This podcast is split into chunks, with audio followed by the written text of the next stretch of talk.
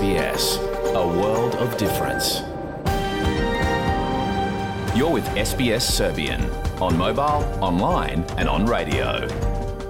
Vi ste uz SBS na srpskom, na mobilnom, na internetu i na radiju.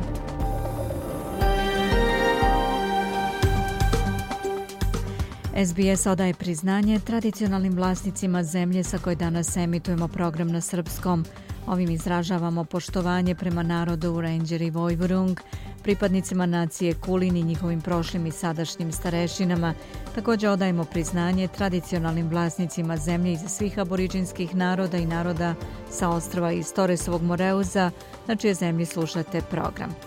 Dobar dan, danas je ponedeljak, 26. februar 2024. Ja sam Biljana Ristić. U današnjem programu posle pregleda vesti sledi opširan sportski pregled.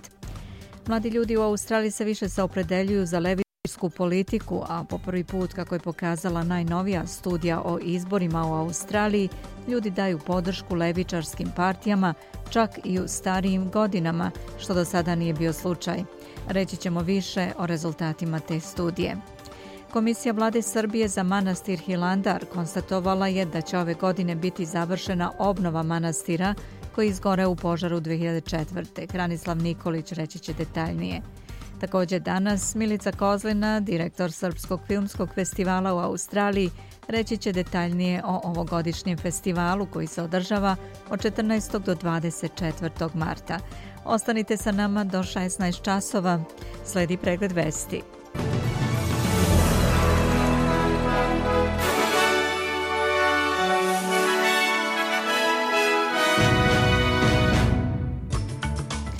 Sindikati elektroradnika, australijskih radnika u proizvodnji i građevinskih ispred parlamenta u Kamberi započeli 24-časovni štrajk.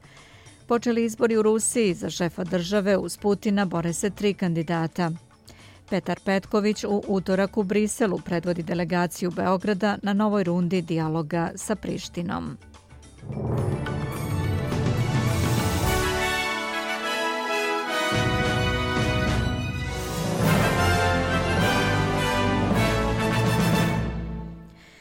Nezavisna poslanica u federalnom parlamentu Helen Haynes predstavila je parlamentu nacrt zakona za koji kaže da će suzbiti mogućnosti političara da pomažu glasačima iza svoje izborne jedinice da dobiju novčanu pomoć, a u zamenu za njihove glasove – Prema predlogu zakona koji podnosi poslanik, takozvani Private Members Bill, svi savezni grantovi bi morali da se dodeljuju prema javno dostupnim kriterijumima i da budu zasnovani na prioritetu prema potrebama.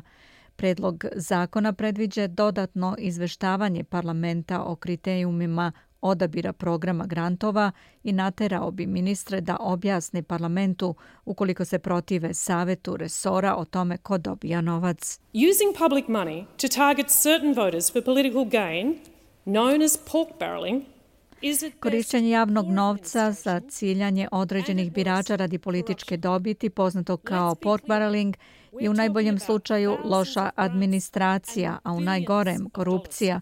Da budemo jasni, govorimo o hiljadama grantova i milijardama dolara. Svake godine ovakve malverzacije podrivaju poverenje javnosti u vladu i političare koji su izabrani da donose odluke u naše kolektivno ime u interesu javnosti za opšte dobro, rekla je Helen Haynes. Iz nacionalne partije potvrđeno je da Barnaby Joyce neće biti prisutan u parlamentu ove nedelje nakon emitovanja snimka na kojem se vidi kako ovaj poslanik leži na ulici u Kamberi. Nekadašnji podpredsjednik vlade ranije je odbio pozive kolega da uzme odmor, pravdajući incident time da je pomešao alkohol i prepisane lekove. Lider nacionalista David Lil Proud rekao je za Kanal 9 da će rado prihvatiti privremeno odsustvo poslanika iz Kambere. I'll take Barnaby on his word. He, he won't be here this week. He's notified me that he won't be coming to Verujem na reč, on neće biti ovde ove nedelje, obavestio me da neće doći u parlament. Ima slobodnu nedelju, pošto smo mu dali priliku da obavi određene poslove sa svojom porodicom. Ja to poštujem. Nadam se da je juče otišao u crkvu i da je sve što je popio bilo oltarsko vino, rekao je David Little Proud. Sindikatu elektroradnika ETU pridružili su se sindikat australijskih radnika u proizvodnji i sindikat građevinskih radnika CFMEU ispred parlamenta u Kamberi gdje su započeli 24-časovni štrajk. Iz ETU kažu da su neki njihovi članovi koji rade u parlamentu plaćeni za 30.000 dolara manje od onoga što se nalaže industrijskim standardom Ministarstva za primarne usluge. Vršilac dužnosti sekretara podružnice u prestoničkoj teritoriji Brad Pigeon kaže da razgovori o rešavanju spora oko plata do sada nisu bili produktivni. These workers here today are not asking for much. What they asking for is a decent pay rise. Ovi radnici danas ovde ne traže mnogo. Ono što traže je pristojno povećanje plata kako bi se ublažili tekući prituzci troškova života. Iz onoga što razumemo kroz pregovore, razočaravajuće je što niko iz ovog ministarstva nije došao za sto da se zaista postigne dogovor, a što je dovelo do ovog ishoda danas i ova akcija će se nastaviti sve dok se ne postigne dogovor, rekao je Pigeon. Politički analitičari predviđaju da će na predstojećim dopunskim izborima u Viktoriji doći do promene glasačke volje protiv laborističke partije. Dve ankete na Newspaper Resolve Political Monitor i The Australian News Poll pokazuju da su laburisti izgubili deo prednosti na primarnim izborima u sedištu Dunkley u Viktoriji, koje je držala poslanica laburista Pita Murphy do njene smrti od raka dojke prošle godine. Anketa Rizol pokazuje da koalicija vodi sa 37 od 100 protiv laburista koji imaju 34% podrške, dok Newspol pokazuje da koalicija ima 36% u poređenju sa laburistima koji imaju 33. Senator Marivati je umanjio značaj rezultata anketa, rekavši da su dopunski izbori uvek teži za aktualnu vladu nego za opoziciju. A financijske sankcije i zabrane putovanja uvedene su za sedam zatvorskih zvaničnika za koje vlada Australije veruje da su umešani u maltretiranje Alekseja Navalnog u ruskom zatvoru. Zamenik premijera Richard Miles i pomoćnik ministra spoljnih poslova Tim Watts objavili su zajedničko saopštenje u kojem potvrđuju sankcije. Oni kažu da su te mere sljedeći korak u naporima Australije da prozove na odgovornost ljude koji su odgovorni za ono što su opisali kao teško kršenje ljudskih prava gospodina Navalnog. Prva vladina tranša sankcija, objavljena 10. decembra 2022. ciljala je pojedince umešane u trovanje Navalnog 2022. U međuvremenu u Rusiji je počelo glasanje za predsjednika na teško dostupnim mestima i na brodovima. Pored Vladimira Putina, koji se bori za peti mandat, građani mogu glasati za još tri kandidata. Vladislava Davankova, partija Novi ljudi, Leonida Sludskog, LDPR i Nikolaja Haritonova, komunistička partija Ruske federacije. Centralna izborna komisija nekim kandidatima nije dozvolila učešće obrazlažući to proceduralnim nedostacima ili velikim brojem nevažećih potpisa.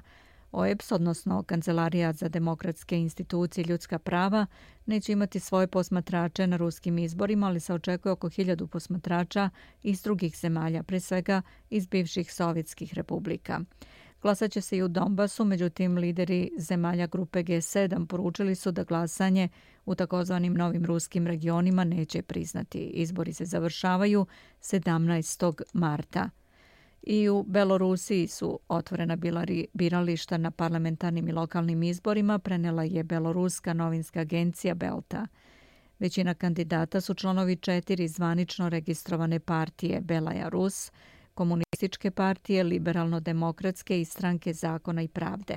Sve četiri partije podržavaju politiku beloruskog predsjednika Aleksandra Lukašenka, dok desetak partija nije moglo da se registruje prošle godine lider beloruske opozicije Svetlana Tihanovska, koja je u izgnanstvu u susednoj Litvani nakon što je osporila pobedu Lukašenku 2020. apelovala je na glasače da bojkotuju izbore. Američki State Department tvrdi da su parlamentarni i lokalni izbori u Belorusiji lažni izbori zbog, kako se navodi u saopštenju State Departmenta, održavanja u atmosferi straha i uslovima nepoštovanja demokratskih procedura. Bivši američki predsjednik Donald Trump je na republikanskim predizborima u Južnoj Karolini ubedljivo pobedio Nikki Haley. jedinog rivala za stranačkog kandidata na predstojećim izborima predsjedničkim. Prema procenama, Donald Trump je na republikanskim predizborima u Južnoj Karolini osvojio 59,8 od 100 glasova. Sljedeći predizbori biće održani u Michiganu 27. februara. Slede Idaho i Missouri 2. marta, Distrikt Columbia 3. Severna Dakota 4. i Super utorak 5. marta kada će republikanci glasati u 16 država. Tuvalu je objavio da je Feleti Teo novi premijer nakon što je dobio jednoglasnu podršku 16 poslanika. Teo je izabran nakon što je bivši premijer Kausea Natano izgubio svoje mesto na opštim izborima 26. januara. Bivši državni tužilac školovao se na Novom Zelandu i u Australiji. Poslanik Simon Kofer rekao je u objavi na društvenim mrežama da je to prvi put u istoriji nacije da se bira premijer bez jednog glasa protiv. Očekuje se da će novi ministri biti imenovani danas. Slušate SBS na srpskom. Tačno je 15 časova 11 minuta. Pregled vesti. Delegacija Beograda, predvođena direktorom Kancelarije za Kosovo i Metohiju Petrom Petkovićem, učestvojeće u novoj rundi dijaloga u Briselu, zakazanoj za utorak 27. februara, saznaj Tanjuk. Delegacija putuje na poziv specijalnog izaslanika Evropske unije za dijalog Beograda i Prištine, Miroslava Lajčaka, potvrdio je juče za Euronews portpalo Porol Evropske komisije Peter Stano. Zamenik predsjednika vladajućeg pokreta Evropa Sad i predsjednik Crne Gore Jakov Milatović saopštio je da je podneo ostavku na sve funkcije u partiji, navodeći kao razlog to što je način rada PESA suprotan obećanom i vrednostima koje je imao na umu prilikom stvaranja partije. Milatović je u objavi na mreži X saopštio da su prilikom osnivanja pokreta Evropa Sad građanima obećali transparentnost u radu, racionalan i argumentovan dijalog o političarima koje su inkluzivne i održive i da će kompetencije i lični integritet predstavljati odlučujuće faktore pri zapošljavanju i napredovanju. Odluka Milatovića o napuštanju PES-a usledila je nakon niza nesuglasica koje je naročito od pobede te partije na parlamentarnim izborima 22. predsjednik Crne Gore imao sa premijerom Milojkom Spajićem. U međuvremenu na sednici predsjedništva je konstatovana ostavka predsjednika Crne Gore Milatovića, a ministar pravde Crne Gore Andrej Milović isključen je iz pokreta Evropa Sad. U saopštenju se naglašava da je za novog člana predsjedništva PES predložen ministar energetike i rudarstva Crne Gore Saša Mujović. Zdravstveno stanje bivše komandanta Vojske Republike Srpske Ratka Mladića je veoma teško, kaže njegov sin Darko Mladić. Ističe da bi njegov otac trebalo da bude pušten iz zatvora na lečenje, da su u Hagu poštovani međunarodno pravni humanitarni standardi. Tim lekara Univerzitetskog kliničkog centra Republike Srpske završio je nedavno preglede Ratka Mladića u pritvorskoj jedinici u Hagu.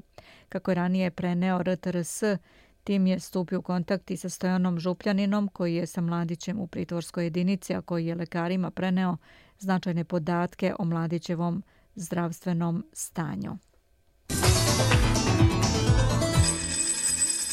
Da pogledamo i kolika je vrednost australijskog dolara danas. Prema američkom dolaru vredi 66 centi, 61 euro cent, 52 britanska penija i 70 srpskih dinara 84 pare.